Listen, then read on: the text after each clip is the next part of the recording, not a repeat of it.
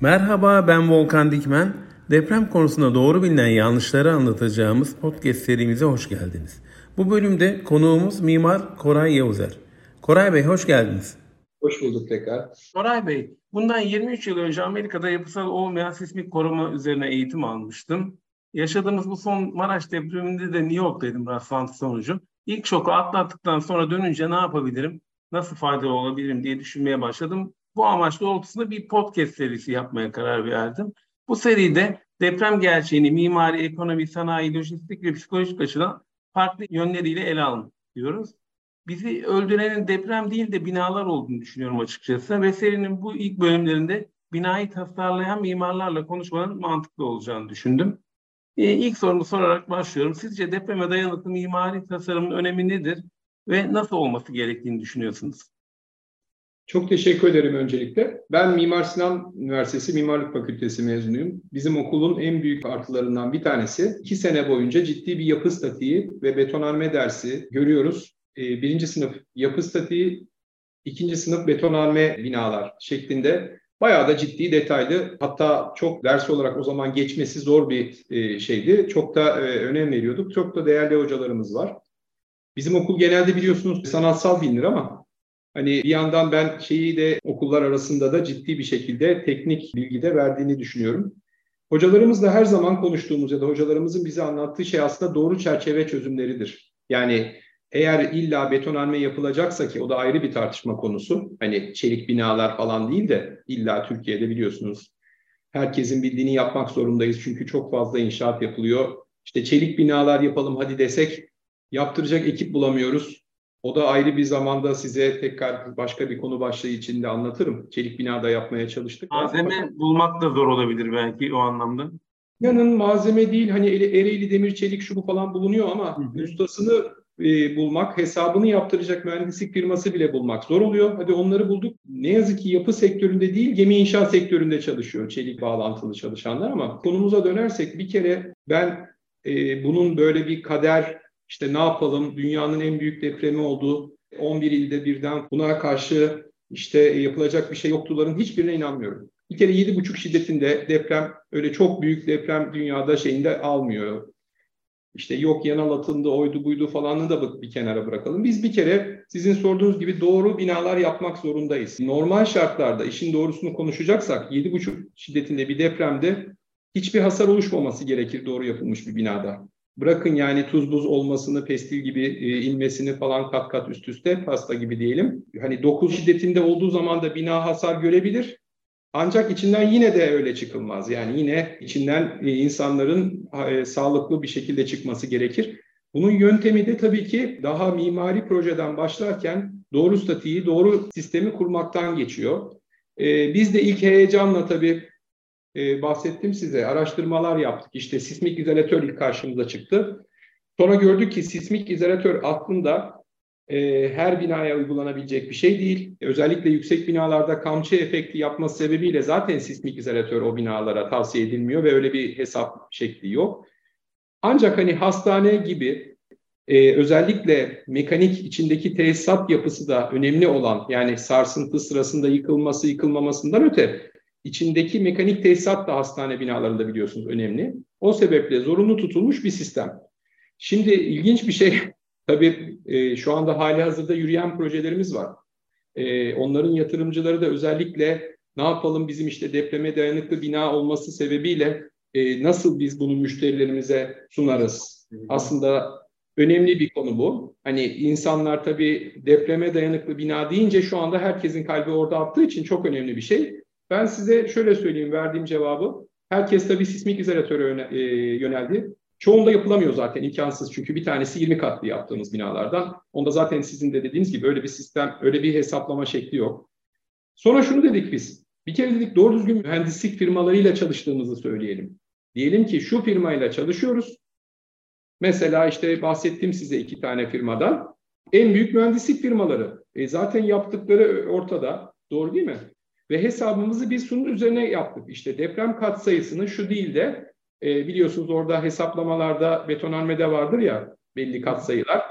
Biz şu katsayı değil şu katsayı olarak aldık. Onun yerine hesaplamalarımızı daha yüksek marjda depreme dayanıklı yaptık. Hesabı da budur. İncelemek isteyen insan da incelesin. İlla sismik izolatör değildir dedik.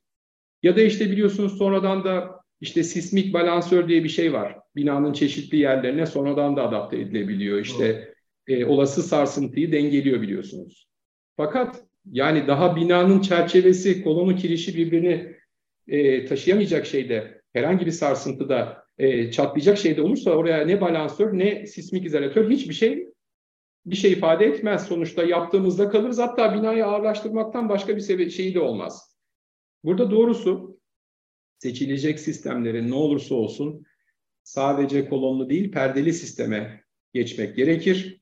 Perdede de sadece çekirdek, asansör çekirdeği, merdiven çekirdeği falan diye değil de binalarda her yönden gelebilecek olası deprem yüklerine dayanıklı bir e, sistemi e, seçip doğru uygulamalarla bir de tabii şunu gördük işte bu hali hazırdaki mevcut kurtarma, arama kurtarma çalışmalarında insanların neredeyse kazma kürekle betonun içerisinde tünel açtıklarını gördük. Yani normal şartlarda kazma kürekle şey açamazsınız. Betonun içinde tünel açamazsınız. Böyle bir şey yapılabilmesi şunu gösteriyor. Yani uygulamanın sırasında betonun biliyorsunuz bir katılaşma süreci vardır. O katılaşma hmm. sürecinde biz bir kısım katkı malzemeleri kullanırız. İşte hmm. elastikiyet arttırıcı, e, hızlı priz almasına sebep olacak şeyler falan ama onun dışında en bilinen şey betonun doğru sulanması diye bir şey vardır. Bir de tabii bekleme süreleri var. Bu bekleme süreleri gözetilmeden yapılan binalarda işte gördüğümüz gibi adamlar neredeyse elle şey açacaklar, yol açarak gördük arama kurtarma çalışmalarında. Yani madencilerimiz biliyorsunuz canla başla çalıştılar. Çok da başarılı sonuçlar alındı.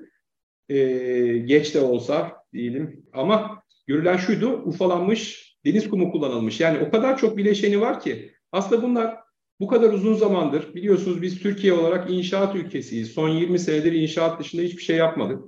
E, bu kadar yapılan yerde, bu kadar inşaat yapılan bir yerde madem de betonarmeye yöneldik ki bence doğru bir seçim değil Türkiye için betonarme en baştan. Yani aslında çelik binalar olmalı.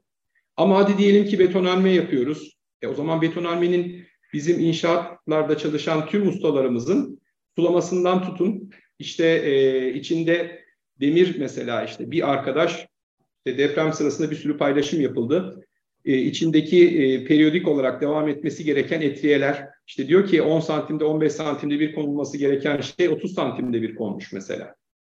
E, ya da işte görüyoruz hepimizin bildiği e, dere kumuyla yapılması gereken şey deniz kumuyla yapılmış. içinde işte deniz kabukları falan var. Biliyorsunuz o zaman tuzlu oluyor ve e, çimentonun e, etkisini, yapıştırıcı etkisini ya da elastikiyet etkisini kaybetmesine, kum haline dönüşmesine sebep oluyor ki işte o dediğimiz arama kurtarma çalışmalarında neredeyse elle yol açacak kadar ya da kazma kürekle diyelim e, hale geliyor beton. Bazıları da şöyle diyor, yeni yapılan binalara da güvenmiyoruz. Yani yeni yapılan bina var, yeni yapılan bina var. Biz mesela kendi adımıza hani kendimize paye biçmek için değil ama bizim Nida Park İstinye projemiz var İstinye'de. Hı hı e, yaklaşık 350 bin metrekare. Otoparkları işte sosyal alanlarıyla beraber 150 bin metrekaresi toprak üstü. Bunun 200 bin metrekareden fazlası toprak altında kalıyor. Biz burada mesela kirişsiz döşeme diye bir sistem kullandık. Yani döşeme planın tamamı kiriş olarak çalışıyor. Böylece hani o şeyde gösterilen çatlaklar 45 derece midir, o mudur, bu mudur şeyleri var ya çatlak oluşmuyor.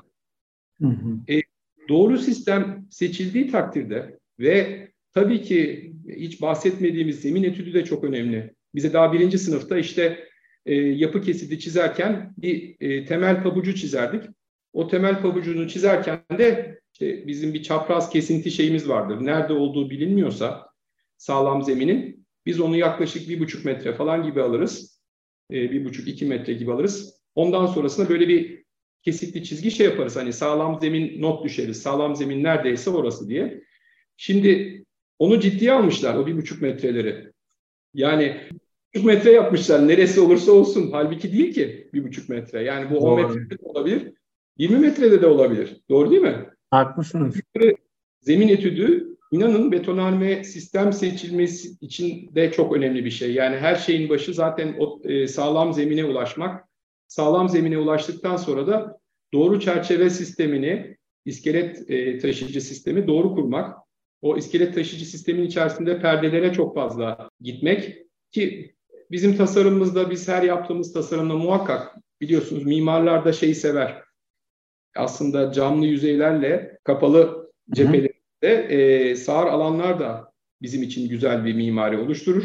Hı. Onları da doğru bir şekilde ayarlarsak ki işte bu e, mimar ve statik ekibinin iyi bir çalışmasıyla ortaya çıkıyor. O zaman güzel herkesin e, başını yastığa koyduğu zaman rahatlıkla uyuyacağı ya da çalışabileceği diyeyim. Hani çalıştığı ortam için de aynı şey geçerli insanların. Biliyorsunuz aslında uyuduğumuz zamandan daha fazla çalıştığımız ortamda da geçiyor. Çocuklarımızın okulları var. Ee, insanlar çalışıyor, belediye binaları var. Bir sürü yer var. Onların hepsinin aynı sistemde ele alınması gerekir. Ben açıkçası hiç şeye inanmıyorum. Yani bu böyleydi, yapacak bir şey yoktu konusuna hiç inanmıyorum. E, doğru zaman, e, doğru planlamayla, doğru mühendislikle, doğru mimarinin birleşimi e, çok da zor bir şey değil. Koray Bey aslında başka aklımdaki soruların çoğunu yanıtlamış oldunuz. Ama başka sorular da geldi aklıma şu anda. E, çok güzel anlattınız. E, bir de Mimar Sinan mimarlarının biz aslında tasarımcı olduğunu düşünüyorduk. Siz şantiyeci mimar da olduğunuzu buradan çok iyi anlamış da olduk. E, sanki bizim insanları ya da e, değişik disiplinleri suçlamakla ilgili bir e, algımız oluştu bu depremden sonra. Ya, yapıyla ilgili mimar ya da müteahhit ya da belediye e, işçilik aslında birçok yerde liyakatla ilgili bazı eksiklikler olduğunu görüyoruz. Yani e, yalnızca bir kişinin suçu değil dediğim gibi başta bizi bina öldürüyor. Aslında deprem öldürmüyor. Sizin ifade ettiğiniz gibi yedi buçuk aslında o kadar olağanüstü bir deprem değil. Sekiz buçuk dokuzları gören ülkeler var. Ama burunları kanamadan çıkan insanlar var binalardan. Bizim e, galiba işimizi doğru yapmamız gerekiyor. Yani çok güzel de binalar yapmışsınız. Ben size çok katılıyorum. Yani 2000 ve 2007 yönetmeliklerinden sonra yapılan yönetmeliğe uygun e, binalar çok olağanüstü olmasına gerek yok. Doğru e, dozajda beton, nervüllü demir, doğru temel, doğru kat sayısı, doğru deprem hesaplarıyla binaların yıkılmayacağını e, ben de düşünüyorum.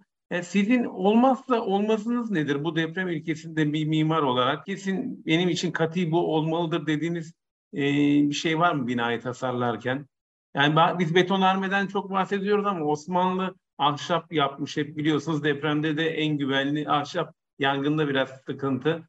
Ama e, depremde çok güvenli. Betonarme yapmak zorundayız diye de düşünüyorum bu çok katlı binaları yaparken. Olmazsa olmazımız nedir acaba?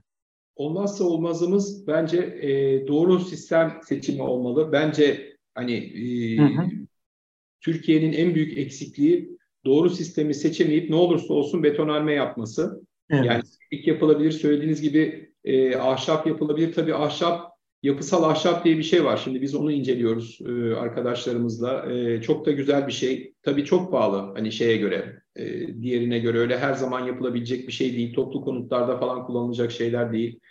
E, tabii işte Türkiye'de herkes betonarmeden anladığını düşünüyor. Görüyoruz ki işte bu şeylerde e, deniz kumu bilmem nesi o su bu su kum elle neredeyse kuyu kazacak hale gelmiş binalar falan şeyini hasar kaldırırken falan. Burada olmazsa olmazımız şu olmalı. Bir kere samimiyet olmalı bence. Yani hani liyakat diyoruz ya. Herkes yaptığı işi ciddiye almalı. Mesela biz bu şeylerde siz de görmüşsünüzdür. Sosyal medyada çokça paylaşıldı. da. Japonlar diyor ki biz bunun için bir şey yaptık diyor. Bir e, olmazsa olmazlar anayasası yaptık diyor bina yapımında diyor. Ve diyor bunu hiç kimse diyor sorgulamıyor bile diyor. Yani Nasıl sorgulanabilir ki? Sen de uyuyorsun o binada, sen de çalışıyorsun veya hani sen de hastaneye gidiyorsun, başkası da gidiyor. Yani ne bileyim bu çok acayip bir şey değil mi sizce? Böyle bir kat sayı ve böyle bir hesaplama sistemi kuruyoruz ve bu olmazsa olmazımız olması lazım değil mi? Evet. Bunların sorgulanabiliyor olması yanlış, esnetilebileceğini düşünmek yanlış falan hepsi yanlış. Bir yandan da ben hani şunu da söyleyeyim. İmar affı bence dünyanın hani sizin konunuzla sorularınızın hiçbiriyle alakası yok ama dünyanın en yanlış, Türkiye'nin diyeyim en yanlış uygulaması. Dünyada çok yok çünkü bizdeki gibi. Bir kere biliyorsunuz o af başkası tarafından verilebilecek bir şey değil. Hepimizin çünkü bu topraklar. Yani bu ülke bizimse hepimizin hakkı olan bir şeye başına böyle e, yasa dışı yollarla e, oralarda bulunan insanlara bunların affedilebilmesi. Bu affın devlet tarafından verilebilmesi imkanı yok yani. Hani bunun hükümet diyelim, devlet demeyelim de verecekse, devlet verecekse de bunu bir şeyle yapmalı. Yani e, oyla olmalı. Bir şekilde insanlar, o bölgedeki insanlar da buna katılmalı. Evet, burada imar hakkı verilebilir ya da verilemez ki vermez kimse. Niye versin ki? Şöyle düşünün, siz çalışıyorsunuz, e, didiniyorsunuz, e, eşiniz, kendiniz falan bir ev satın almak istiyorsunuz. Belli bir zaman bir birikiminiz e, e, takside girerek falan adam gidiyor bir yerde, bir bölgede yasa dışı bir şekilde bulunuyor. Uzun bir süre bulunduğu zaman hakikaten kendi de orada hakkı olduğunu düşünüyor. Sonra bir önce iki katlı bir bina yapıyor. Bizim yine Mimar Sinan'daki hocalarımız şey derdi. iki katlı bina aslında o kadar kötü değil.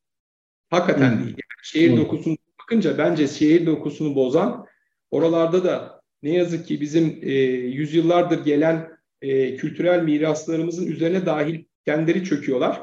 O kadar yakınına yapılmış ki tarihi binaların. Ne yazık ki 500 senedir dayanan binalar hani diyorlar ya 500 sene evvel olmuş falan filan daha evet. önce. E, e, o binanın da dayanmış gariban bina 500 sene.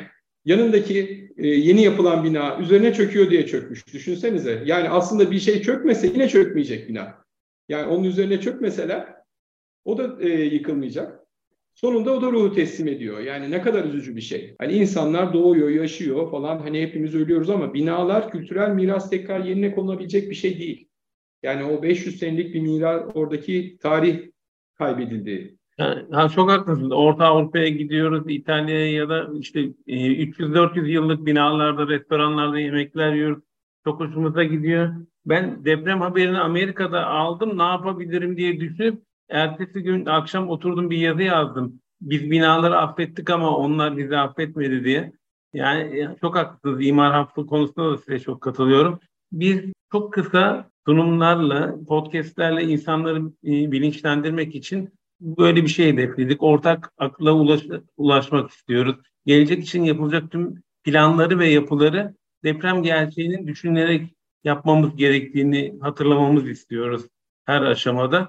Ve size de çok teşekkür etmek istiyorum e, bize eşlik ettiğiniz için. Ben de teşekkür ederim. Bir şey eklemek istiyorum. Tabii, buyurun. İzninizle. Japonya'dan bahsediliyor. Deniyor ki işte Japonya bir deprem ülkesi ve işte e, ona göre bina yapıyorlar. Hakikaten yapıyorlar. Hakikaten söylediğim gibi kurallar diyelim, kabuller diyelim o e, sağlam bina yapmakla ilgili kabullerini hiç sorgulamadan doğru bir şekilde yapıyorlar ama onun ötesinde şöyle bir şey var. Şimdi geçen gün onu dedim. Dedim ki sürekli deprem olan bir yerde yaşayanlar aslında daha şanslı bize göre. Adam bunu öyle yapıyor. Bizde 20 senede bir falan oluyor ya bu. Hani 99'dan 20 sene değil. İnanın şimdi bakın hafiflemeye başladı konu ki normal hayatın akışında böyle bir şey olmasam unutmak değil. Hani konunun bir böyle e, feryat figen ortada olması da yanlış.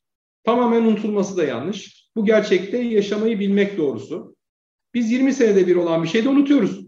99'dan sonra Yine e, unuttuk. İşte 2023 oldu falan. E şimdi e, bir rakam telaffuz etmek istemiyorum ama ne olursa olsun yani 20 sene sonra tekrar mı e, aynı şeyleri konuşacağız? Doğru değil mi? Evet konuşacağız evet. muhtemelen. E, 20 senede bir olması bizim şanssızlığımız ben size söyleyeyim. Yani böyle senede birkaç kere olsa hiç olmaz bu iş. Yani o zaman deriz ki ulan biz bunu böyle yapacağız. Hakikaten başka şansımız yok Japonların yaptığı gibi. Hiç Ama böyle düşünmemiştim. hocalarımız falan hep konuşuyorlar. Adamlara 20 senede bir top düşüyor biliyorsunuz. Deprem uzmanı. Yani aslında bizim deprem uzmanına yani yanlış anlamayın jeoloji çok önemli bir meslek. Söylediğim gibi zemin etüdü en önemlisi gerçekten ama böyle 20 senede bir top gelen bir adamın şeyindense ya her dakika top ayağında olsun. Değil mi jeologların? Evet, evet. Der ki burada zemin etüdü çok önemli bir şey. Biz buna göre şey yapıyoruz. Burada sağlam zemin şurada. Çok uzaktaysa hani petrol de vardır ya çok derindeyse çıkartmazlar. Tamam buraya bina yapılmıyor diyeceğiz. Doğru değil mi? Çok haklısınız. Sağlam. Ya da bizim hepsinden çok ihtiyacımız olan şey de şu anda sizin bana sorduğunuz sorulara doğru cevap verecek ve doğru uygulayacak. Sadece teoride de kalmayacak depreme dayanıklı bina yapma konusunda bir ekip çalışması bu. İnanın mimarından başlıyor, mühendisinden devam ediyor.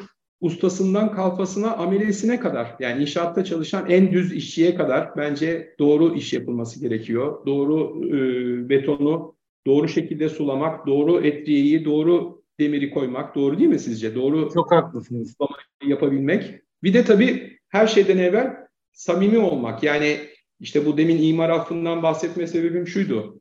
İnsanlara süreli imar affları. Bir kere imar affının kendisi söylediğim etik olarak yanlış. Size ait olmayan bir şeyin affını yapamazsınız. Ee, hadi oldu diyelim. Onu süreli vermek en yanlış. Adamlar şimdi binayı bitirmeye çalışıyorlar. Normalde iki ayda bitireceği binayı üç haftada bitirmeye çalışıyor. O zaman betonun priz alma süresi, betonun kuruması, üstüne tekrar kat yapılabilecek hale gelmesi, kalıp çakılabilmesi için gerekli sürelerin hiçbiri uygulanmamış oluyor.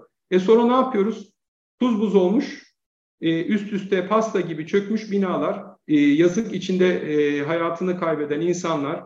Böyle bir şey var. Bu imar o kadar yanlış ki süreli olması hepsinden yanlış. Bir bakıyorsunuz böyle bir alttan söylentisi çıktığı zaman Türkiye'nin her tarafında yani hiç alakasız yerlerde dahil herkes o işte başta çıktığı masum diyelim ki değil bence. Yani bir e, size ait olmayan bir arsaya bir bina yapamazsınız. O çünkü herkese ait bir yere gidip kendiniz bir bina yapıyorsunuz. Her ne kadar kendi imkanlarınızla yapsanız da toprak size ait olmadığı için o binanın size ait olduğunu göstermez. Sonra üstüne üçüncü katını, dördüncü katını çıkıyorsunuz. Sonra diyorsunuz ki ya işte kızım evlenecek bir kat daha çıkayım. E bir katı da kiraya veririm bir de oğlum da burada otursa falan bir bakıyorsunuz o 6-7 katlı apartmana dönüyor o gece kondular. Ve hepsi de tuz buz oluyor işte gördüğümüz şey tablo bu ne yazık ki İstanbul'da bunlardan daha çok var. Ee, çok teşekkür ederim size de. Sağladığınız katkı için biz çok teşekkür ederiz. Aslında konuşacak çok şey varmış. Bu konuyu düşünüp de e, böyle bir e, podcast oluşturma fikriniz de e, çok güzel. Çok sağ olun. Geçen gün ben onu paylaştım sosyal medyada. Atatürk'ün lafı olduğu söyleniyor. Ben daha evvel duymamıştım ama hakikaten değilse de doğru, o söylediyse daha da doğru. Hani e, ülkesini en çok seven işini en doğru yapandır diye bir lafı var. Evet, Evet evet. En iyi şekilde yapalım. Üzerimize düşeni e, böyle şeyler yaşamayalım yani. Evet ama aynı şeyleri tekrar yaşayacağımızı düşünüyorum.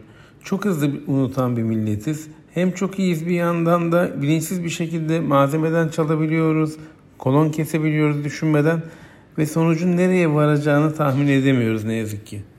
Tespitim de size benzer. Yani biz şunu gördük yani depremde ee, ama çoğunluğu çok yardımseverdi. Hakikaten inanılmaz bir değişik şeklimiz var. Yani hani insanlar çok çok e, yardımcı ve fedakardı. İşte depreme yardıma gelenlerin dönüşünde e, karşılaştıkları işte yardımsever tablolar falan hiçbirimizin aklından çıkmayacak. Fakat keşke şey olsa hani biz şunu ben şunu söylüyorum hani bu biraz çok politikaya da girmek istemiyorum ama biz öyle bir milletiz ki sokaklarında Yunan askerlerini gördüğü zaman işte ya da e, Boğaz'da İngiliz, Fransız gemilerini gördüğü zaman aklımız başımıza geliyor. Yani buna gerek kalmaması lazım. Avrupalının bizden farkı da o. Böyle bir şey kalmadan e, zaten kendi içinde daha e, fazla yardımlaşıyor ve şey yapıyor. Ha böyle bir durum olsa belki bizimki gibi bir tavır göstermeyebilir. Orada daha farklı olabilir. Bizde de tam tersi oluyor. Böyle bir durum olduğu zaman herkes tek bir vücut oluyor falan. Bence o kadar beklemeyelim ya artık bundan sonra. Hareket etmek için, hani doğrusunu yapmak için, hani ferasetli kararlar, akıllı kararlar vermek için en kötüsünü beklemeyelim yani. Sokakta falancayı filancayı, e, boğazda bilmem ne gemisini falan hani milleti önemi değil. Görmeyelim yani artık. Hani bu e, binalarımızın kültürel tarihimizin böyle yerle bir olduğu bir şeyi görmeyi beklemeyelim artık. Normal artık göreceğimizi gördük. 99'da da gördük. İşte burada da ne yazık ki gördük. Daha detaylısını, çok daha e, şeyini, e, yıkıcı.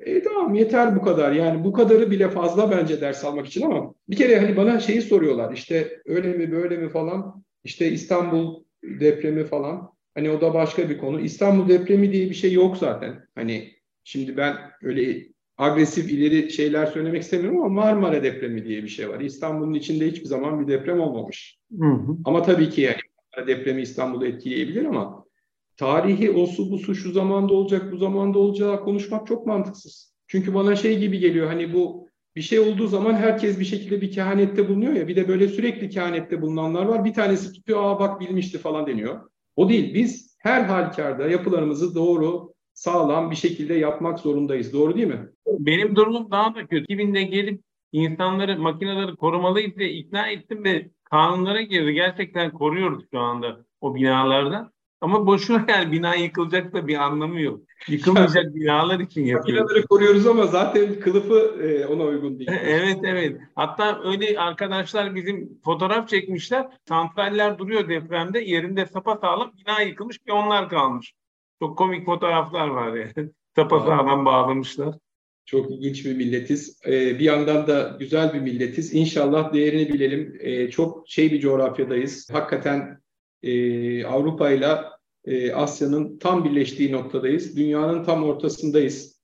E, ama şey olmalıyız yani biz bundan sonra artık e, yaşadıklarımız bize ders olmalı. Buradan çıkarımımız doğru binaları doğru sistemle, doğru işinin ehli insanlarla, liyakatle yapılmasını hedefleyelim. Hep birlikte en iyisini yapalım elimizden geleni. İnşallah. Çok sevindik. Ben de çok memnun oldum.